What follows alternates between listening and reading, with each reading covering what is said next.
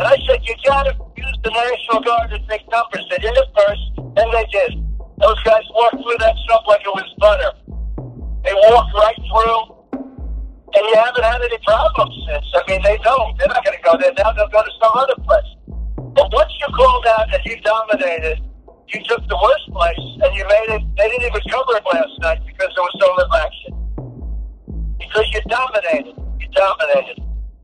USA står i flammer etter politidrapet på George Floyd. Det er nå demonstrasjoner i alle 50 stater, og den amerikanske presidenten nekter å være forsonende. Han kaller demonstrantene thugs og truer med å sette inn det militære. Du hører på siste med meg, Nicolai Delebekk. Og meg, Marie Simonsen. I think it's a disgrace. Jeg syns det blir litt spesielt. At Dagbladet driver med Donald Duck-journalistikk, det kjenner vi alle til. Men dette holder ikke. Du snakker jo bare visvask av arbeidslivet. Helt useriøst. You are fake news. Go ahead. Vi har i dag eh, vi får kalle det en Amerikaspesial, en litt lengre versjon av podkasten, for nå brenner det altså virkelig i eh, USA. Eh, demonstrasjoner i alle stater. Trump har sagt denne uken at han kommer til å kalle inn nasjonalgarden og tvinge statene til å, til å motta dem hvis ikke de klarer å rydde opp i sjøl, Marie. Hadde vi trodd at det skulle komme hit for fire år siden, omtrent fire år siden, da Trump ble valgt? Vi visste at det kunne, kunne gå gærent, men at det skulle gå så gærent? Nei, det er, eh, det er jo et nøkkelord at, eh, at, det har gått fire år med Trump. Han har, eh, han har, sørget for at USA er ytterligere polarisert. Det har jo vært konfliktlinjer før, men disse er kommet veldig tydelig frem. Og denne våren med covid-19 så har det jo, har det jo sett flere steder på andre måter. Det er altså f.eks. tre ganger så mange svarte amerikanere som blir rammet av covid-19 enn resten av befolkningen. Det er to, dobbelt så mange svarte amerikanere som har mistet jobben sin. Så man ser at uh, den svarte delen av samfunnet blir uh, rammet uh, hardere av økonomiske kriser, av sykdom, av mangel på helseforsikring. så da denne videoen med George Floyd dukket opp, så var det som å kaste en fyrstikk inn i et dynamittlager. Og det eksploderte overalt. Og det handler jo selvfølgelig om det som skjedde, som var helt forferdelig. Og nå, i, nå bare de siste timene så har vi fått vite nå at alle fire politifolkene som var til stede, er siktet for drap. Og Derek Chauvin, som var mannen som satt med eh, kneet på nakken til George Floyd, de har skjerpet siktelsen mot han fra uaktsomt drap til forsettlig drap. Men man må også se at dette har en uh, lengre historie. Vi ser det, og vi har snakket om det tidligere, at uh, vi har Rodney King.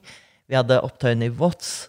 Vi har hatt flere slike, slike opptøyer tidligere, enkelte, som er blitt utløst av enkeltepisoder. Og det skyldes jo den amerikanske historien, som, hvor, eh, hvor, det har vært eh, Hvor den eh, svarte delen av befolkningen har vært undertrykt, diskriminert. De har vært slaver.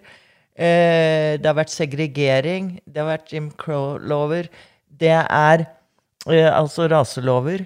Det er ikke så lenge siden de fikk stemmerett. Hvis man ser det i et sånt perspektiv, og man ser at USA ennå ikke har klart å ta et skikkelig oppgjør med rasediskriminering og forskjellsbehandling av sine egne borgere, så skjønner man at denne frustrasjonen får en så stor kraft og tyngde. Og det som eh, kanskje er spesielt å se nå, er jo nettopp at så mange hvite øh, og deler av resten av befolkningen støtter opp om protestene. Mm. Uh, og så kommer dette drapet på George Floyd bare noen uker vel etter at denne videoen av Ahmad Aubrey, denne unge svarte gutten som, uh, som var ute på joggetur, uh, som gikk inn i en byggeplass, og så spekuleres det jo i om han gikk inn for å hente seg et glass vann, eller var nysgjerrig, men han ble i hvert fall Noen ringte politiet og sa at her går det en svart mann inn og skal kanskje rane her. Og så ble han rett og slett regelrett uh, skutt og, og, drept av uh, vigilanter, nær sagt, men også tidligere, tidligere politimenn som ikke da var i active duty, de ble jo verken etterforsket eller siktet eh, før denne videoen av denne hendelsen da ble publisert. sånn at eh, som du sier, så blir det da en kulminasjon av, eh, av historie, men så blir det også dette utløsende her, da, ikke sant? denne utløsende faktoren som da får denne kruttønna til å, til å eksplodere. Men det er jo dette som har endret veldig mye av debatten om rasediskriminering, er jo rett og slett noe så enkelt som iPhonen. Ja, fordi, at man, eh, fordi, at man, nå har eh, mobiltelefoner som eh, filmer det som skjer. Tidligere har man jo hørt om det, men man hadde ikke samme grad av bevis. Man fikk ikke sett det. Og det er selvfølgelig et ekstremt sterkt uttrykk når du legger det ut på sosiale medier. Det er jo ingen som er uberørt av å se noe sånt. Og det var jo også det som utløste Rodney King. Det var jo den aller aller første ordentlige videoen av et skikkelig overgrep. Eller det har jo vært før òg, men den som virkelig, virkelig fikk medvind denne videoen da Rodney King som ble regelrett eh, banket opp og fikk skikkelig juling av ganske mange politimenn i, i Los Angeles. Uh, og det utløste jo disse opprørene. Og så er det jo Var jo ikke de like langvarige som de opprørene vi har, eh, vi har sett nå.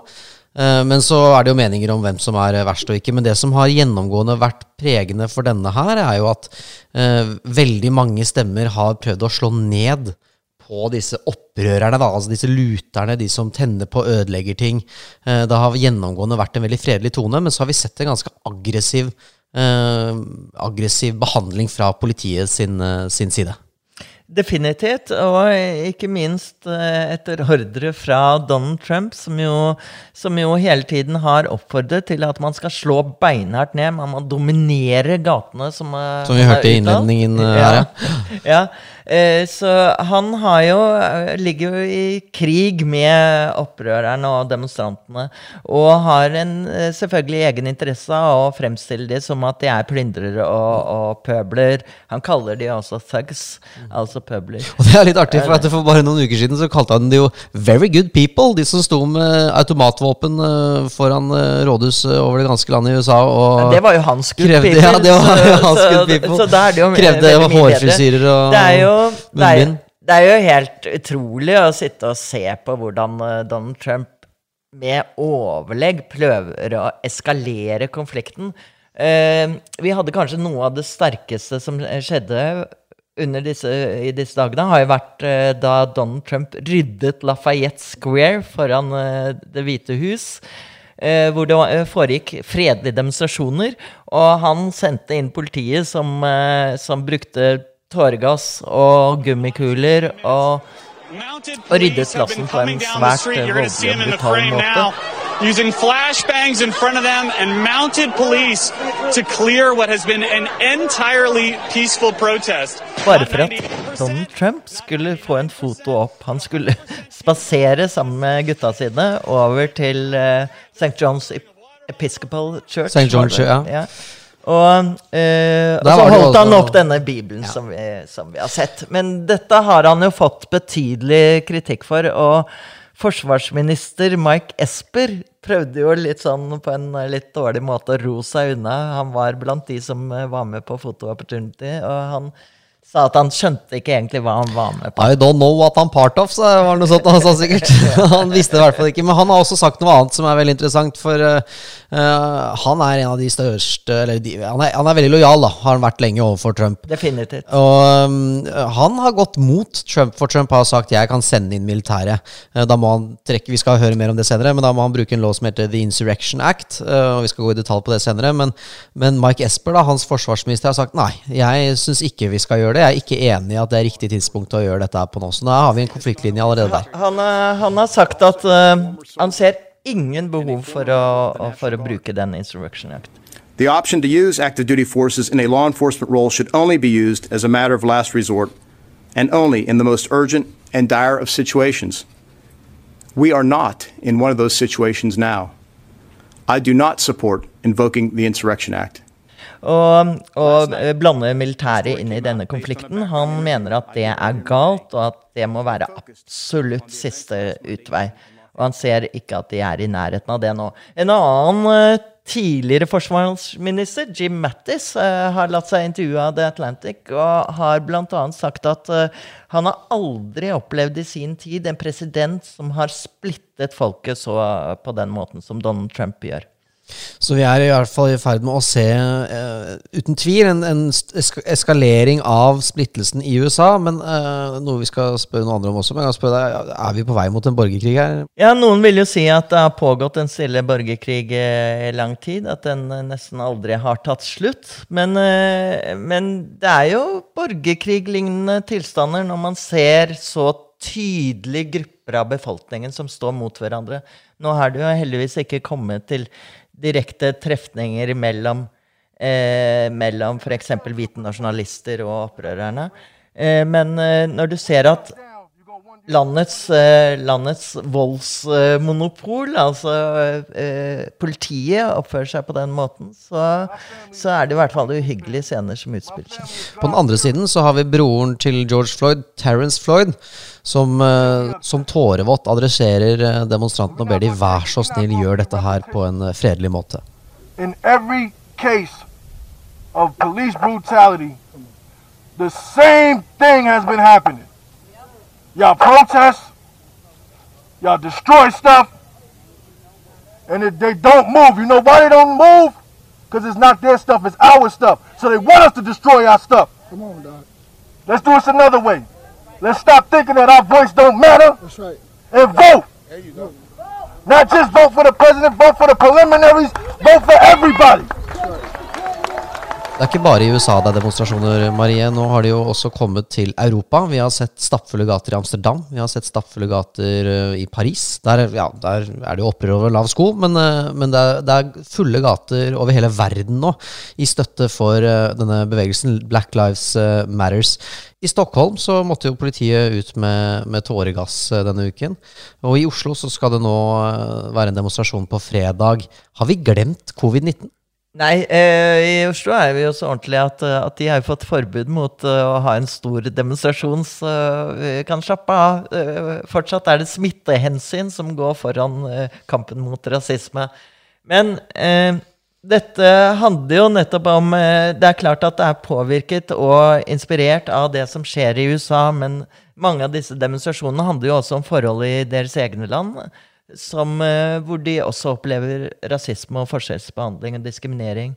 Og det er jo kanskje andre grupper i, i Europa som er uh, særlig hardt rammet. Og, og vi kan f.eks. tenke muslimske delen av befolkningen er, er, eh, blir ofte diskriminert og hetset politisk i Europa, og det er jo også en demonstrasjon mot det. Store spørsmål nå er selvfølgelig Eller overordna spørsmålet blir det borgerkrig i USA. Men eh, et annet stort spørsmål kan uh, Donald Trump uh, rett og slett valse inn med militæret. Du har som vanlig, vil jeg vel nesten si, Marie, hentet inn en ekspert. Hvem er det du har hentet inn for oss i dag? I dag har jeg Hilde Restad, som eh, jo er en av de aller flinkeste ekspertene på amerikansk politikk og historie. Hun er faktisk akkurat eh, ferdig med en bok om noe av det viktige som vi snakker om, eh, dragkampen mellom føderale myndigheter og guvernørene. I am your president of law and order and an ally of all peaceful protesters. A number of state and local governments have failed to take necessary action to safeguard their residents. That is why I am taking immediate presidential action to stop the violence and restore security and safety in America. I am mobilizing all available federal resources, civilian and military, to stop the rioting and looting, to end the destruction and arson and to protect the rights of law abiding Americans, including your Second Amendment rights. If a city or state refuses to take the actions that are necessary to defend the life and property of their residents, then I will deploy the United States military and quickly solve the problem for them. Hilde, er USA ødelagt? Går vi liksom mot en borgerkrig her? USA har vært ødelagt fra starten og har alltid vært på vei mot, mot borgerkrig. Eh, USA har på en måte, Det starta ganske dårlig med slaveri og eh, folkemord. Og så måtte man på en måte få en ny grunnleggelse etter borgerkrigen eh, for å forsøke å leve opp til de her fine idealene man hadde skrevet ned i, i uavhengighetserklæringa i Grunnloven. Og så måtte man få en borgerrettighetsbevegelse 100 år etterpå igjen, en slags eh, tredje grunnleggelse. Og nå er vi kanskje inne i en, et fjerde forsøk da, på å håpe at USA klarer å leve opp til de veldig fine eh, idealene vi alle, vi alle beundrer. Har, eh, som de skrev ned. Mm. Vi har allerede snakket om dette oppgjøret eh, de svarte har søkt i mange år, som de føler de kanskje aldri har fått etter slavetiden. Er, når du sier nå at det er den, kanskje det fjerde forsøket på å starte USA, da, på å grunnlegge USA, er det også da dette oppgjøret som kommer? Dette, dette svarte oppgjøret som vi har søkt? Det tror jeg nok er riktig, fordi at en av de tingene som har vært litt interessant å følge med på, er mine venner i USA som er hvite, og, og hvordan de har endra mening de siste årene når det kommer til hvilken rolle rase spiller i amerikansk samfunn. Eh, og en av de tingene som har bidratt til det, tror jeg, er f.eks. det at man pga. teknologisk nyvinning plutselig ser eh, videoer av hvordan svarte amerikanere opplever å bli behandla av gjerne hvite politi som er på en måte et lite sånn konkret eksempel på det svarte amerikanere har forsøkt å si til sine hvite medborgere i mange mange år. At det er ikke det samme å være en svart amerikaner og være en hvit amerikaner. Det er ikke det samme. Vi opplever dette landet veldig forskjellig, og vi er nødt til at dere skal forstå hvordan vi har det, for at vi virkelig skal klare å komme oss videre. Ja, for denne såkalte fargeblindheten på liberal side, de hevder jo ofte at de er fargeblinde. Men man så jo senest på dette klippet fra Central Park, hvor Amy Cooper da truet eh, en afroamerikansk eh, mann med politiet. Så viste det seg jo senere at hun hadde vært eh, støttet Obama og vært en, en demokrat. Og da sa alle liksom Ja, selvfølgelig er demokrater også rasister. Ja, og sånne her enkelthendelser tenker jeg vi skal også jeg, jeg kan ikke liksom, si hva som, om, om, Amy Cooper er rasist eller ikke, men det, hun, hun, eksisterer i et system som åpenbart eh, har eh, strukturell rasisme i seg. Eh, hvor, det, hvor, det, er veldig åpenbart at hvis hun ringer politiet og sier at en svart mann truer henne, så vet vi hvem politiet kommer til å forsøke å beskytte. Vi vet at svarte sin opplevelse av politiet er veldig annerledes enn hvite sin opplevelse av politiet. For så var det jo et eksempel fra um, protestene her de siste dagene, hvor det vel var noen svarte butikkeiere som forsøkte å få politiet til å hjelpe dem å beskytte sin butikk, men politiet starta dem å arrestere butikkeierne, antageligvis fordi de antok at det var dem som lagde trøbbel pga. deres hudfarge. Nå har vi sett at uh, Donald Trump er ganske uforsonlig. og Eh, interessant denne eh, pågående krigen som eh, eh, du og jeg, Hilde, faktisk har snakket om tidligere, som pågikk under covid-19 eh, mellom guvernørene, maktkampen mellom guvernørene og Trump. Og nå er det en ny konflikt på gang hvor han sier at han skal sende inn militæret. Kan han gjøre det? Ja, det kan han. Um, presidenter har uh, ganske vid vi er fullmakter eh, i sånn sikkerhetssituasjoner. Eh, så det, det, finnes mange prosedyrer han kan følge for å gjøre det helt lovlig. Så Derfor er det jo, eh, som alltid i amerikansk politikk, pga. at det er et føderalt system, så er det enormt viktig at guvernører og eh, utøvende makt samarbeider. Eh, og det er en sånn rar sånn speilvendt, føler jeg, eh, sammenligning til 60-tallet, der det var veldig aggressive eh, sørstatsguvernører eh, som nekta å føye seg etter da president eh, John F. Kennedy og, og andre presidenter sine eh, retningslinjer når det gjaldt avsegregering og borgerrettighetsbevegelsen. Um, nå virker det, Den situasjonen vi er i i dag, er en sånn helt surrealistisk situasjon der det virker som om presidenten er en av de her sørstatsguvernørene. som på en måte ikke ønsker Trump og, og, er George Wallace.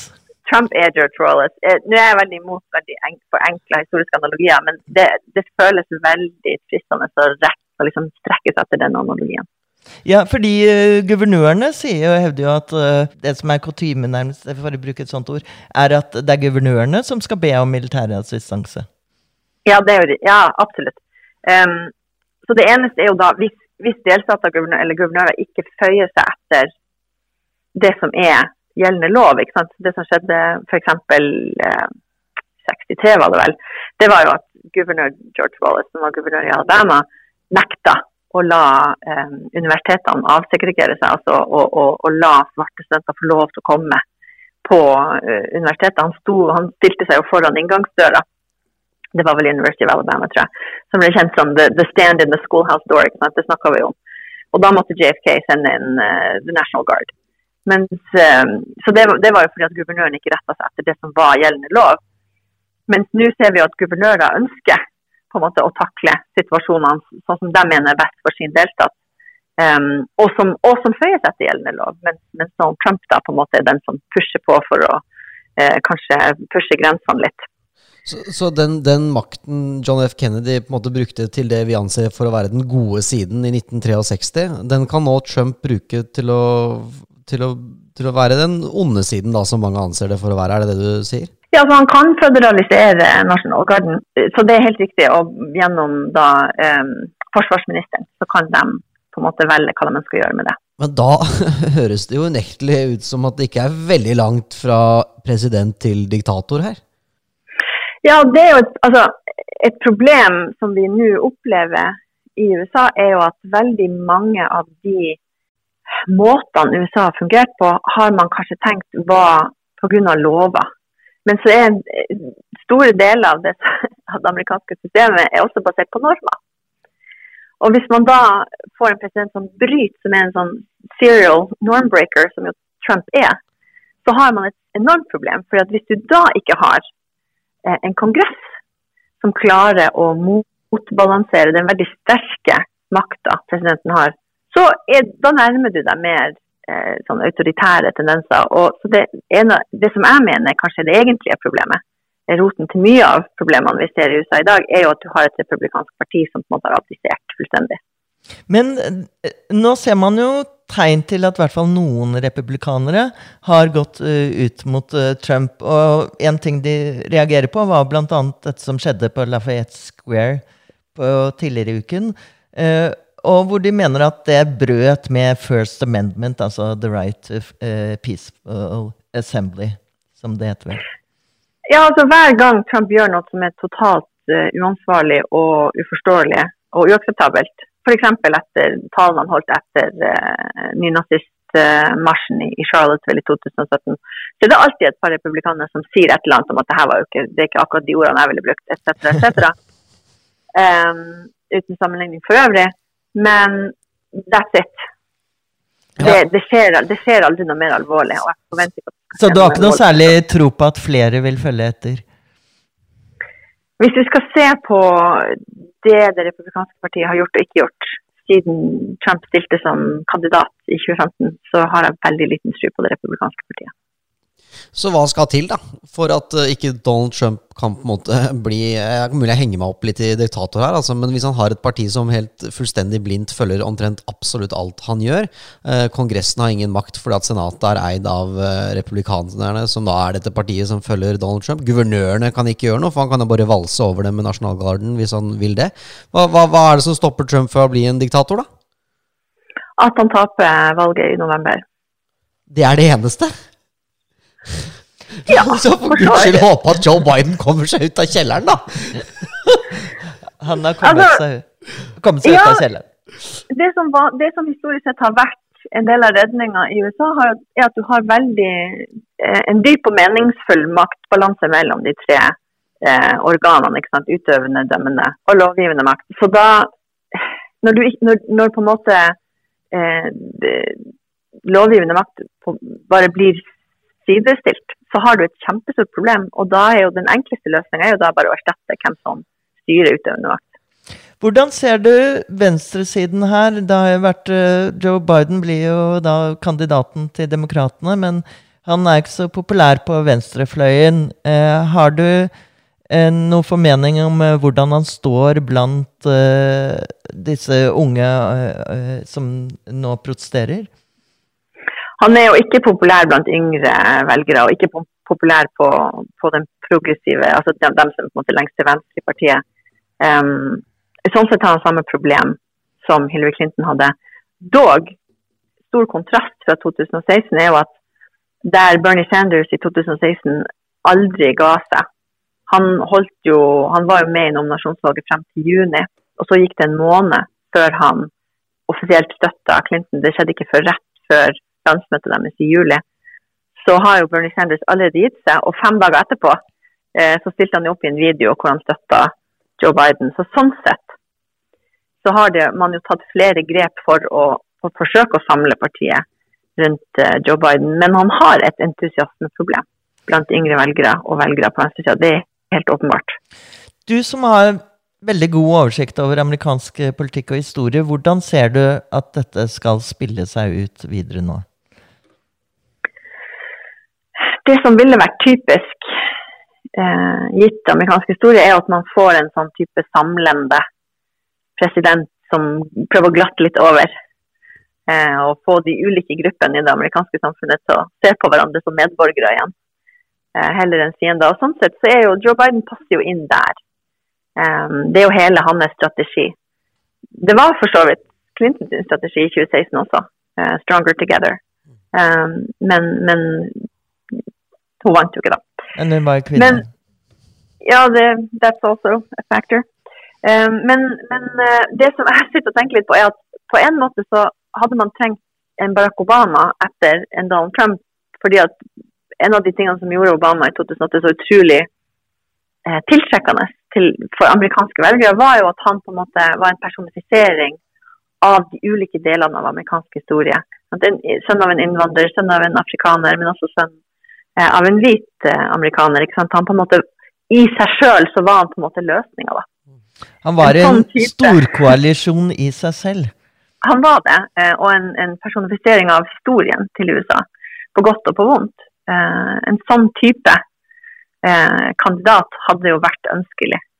Det, men derfor tenker jeg at det, det knytter seg stor spenning, uvanlig stor spenning til hvem Joe Biden velger som sin visepresidentkandidat. fordi Vanligvis er ikke det så veldig viktig eller interessant. Men um, i og med at Biden er såpass gammel som han er, Um, og at han har sagt at han ser på seg selv som en bro til neste generasjon.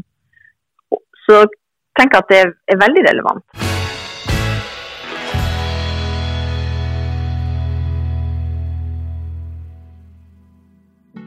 I want to speak directly to the young men and women of color in this country uh, who, as Plan just so eloquently described, have witnessed too much violence and too much death. Too often, some of that violence has come uh, from folks who were supposed to be serving and protecting you.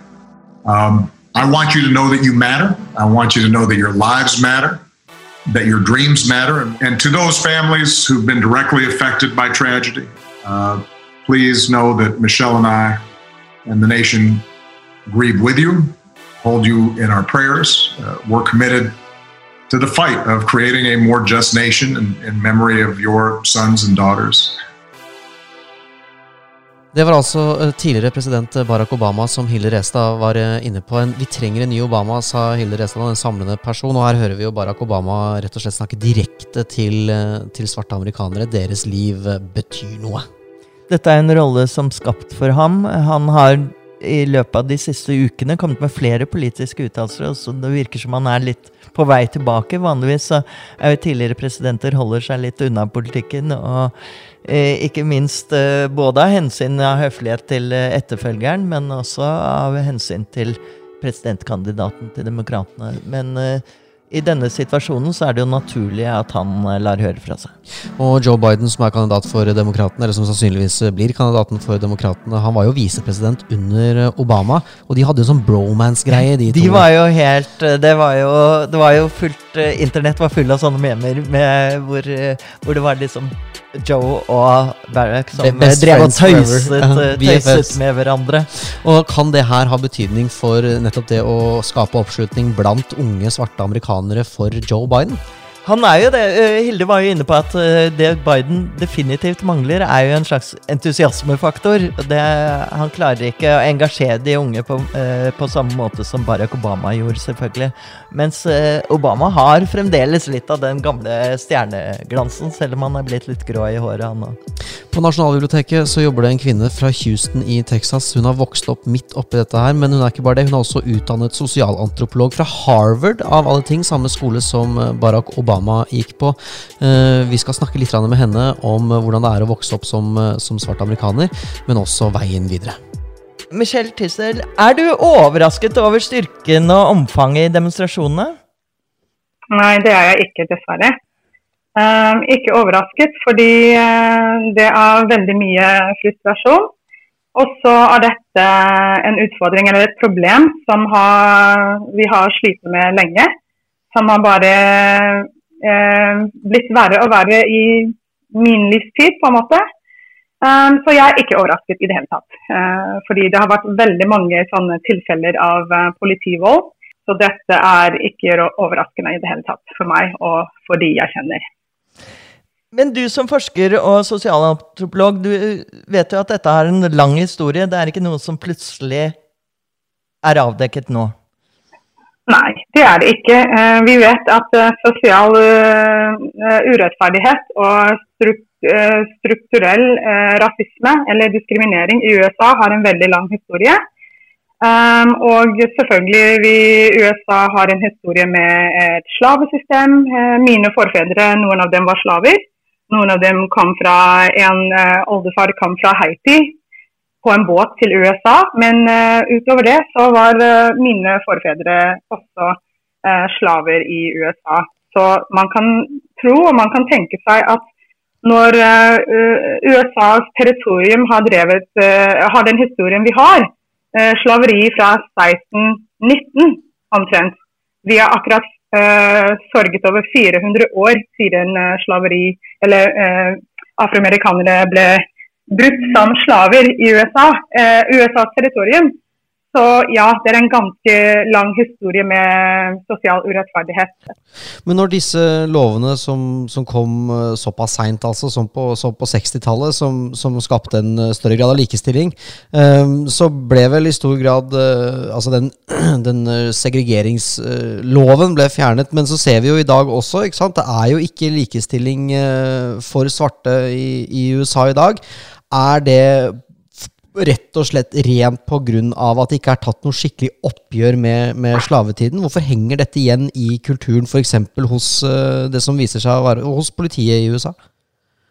Det er eh, på en måte ja. Fordi du kan tenke deg at vi har ikke skrevet vår egen historie eh, mesteparten av tiden i USA. ikke sant? Vi har ikke dokumentert selv, eller folk har ikke Vår historie ganske nylig ble dokumentert og, og skrevet om fra, fra våre perspektiv, perspektiver.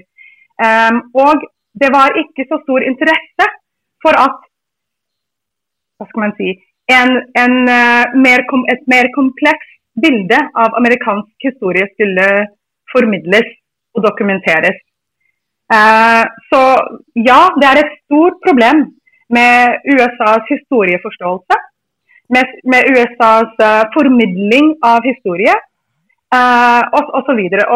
La meg bare si at vi, kan, vi, må gå tilbake, litt lengre tilbake i amerikansk historie for å, for å um, fordi jeg, Nå har jeg blitt veldig opptatt av, at hver gang jeg prater om dette, så skal jeg prate om urfolk i USA.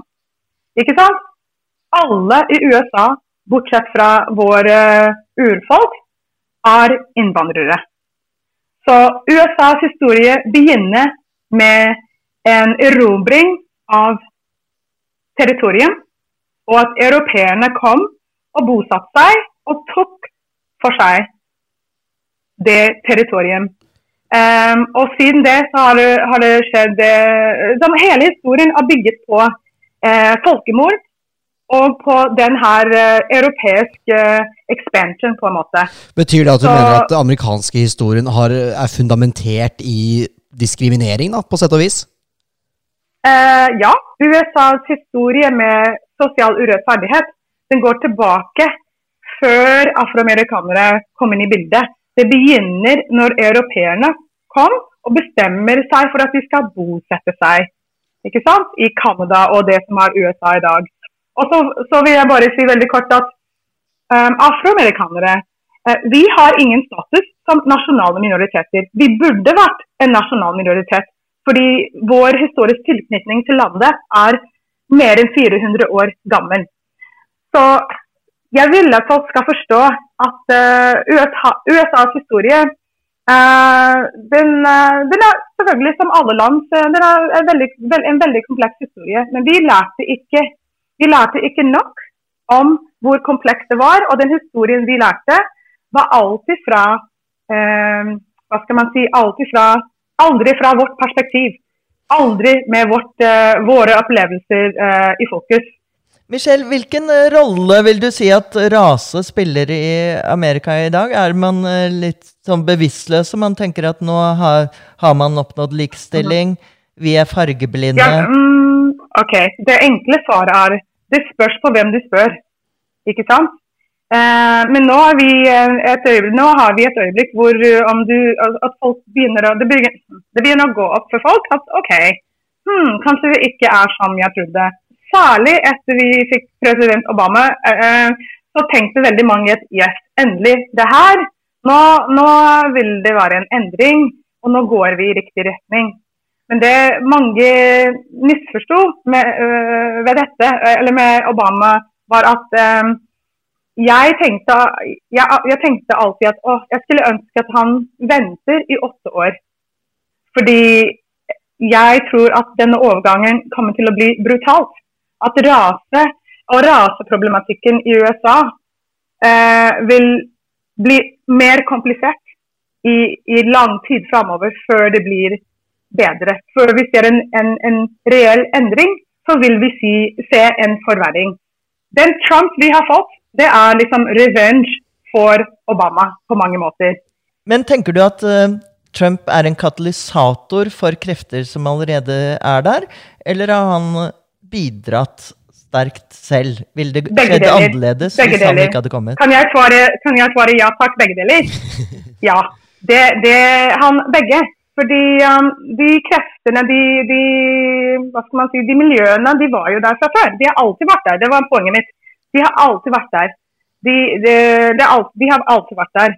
Og så, og så får man eh, Obama, og så må vi huske at demogra det demografiske bildet i USA er i, en, i endring.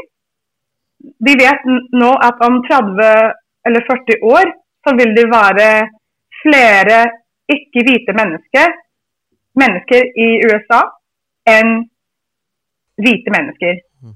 Og Veldig mange har blitt, uh, begynner å forstå dette, og det liker man ikke. Det er veldig mange som, som føler seg veldig ukomfortabelt med, et, med, at USA blir såkalt mindre hvit eller brunere, eller får mer pigment. Og det, det har skapt uh, og satt i gang mange følelser og tanker og uro hos noen. Og vi har ikke funnet Eh, eh, enda en måte å prate om dette på fornuftig måte på. Når jeg var eh, barn eh, og studerte i Texas, i Houston, på 80-tallet, eh, i syvende klasse, f.eks. syvende trinn, da var historieboken eh, Texas History. I den boken så var det omtrent, i, i mitt minne, så var det ca. tre-fire sider, eller fire sider om, om urfolk og da ble de beskrevet som The Warring Apaches. Ikke sant? Og det er så rart. Det er et eksempel på hvordan historieskriving og formidling av historie i USA har mislykkes.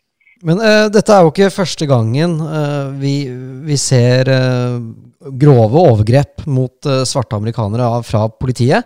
Uh, vi husker Roddy King uh, og altså oh, yeah. og Maud Arbery. Nå var de riktignok nevnte dem i sted, nå var de riktignok yeah. ikke politiaktive. Men nå, mm. det, det, har vel altså, kan, Vi husker Roddy King, og det ble voldsomme oppstander. Men det varte likevel ikke åtte dager. altså Nå har det vært åtte netter, og det, folk snakker mm. om at de skal mm. demonstrere til over sommeren.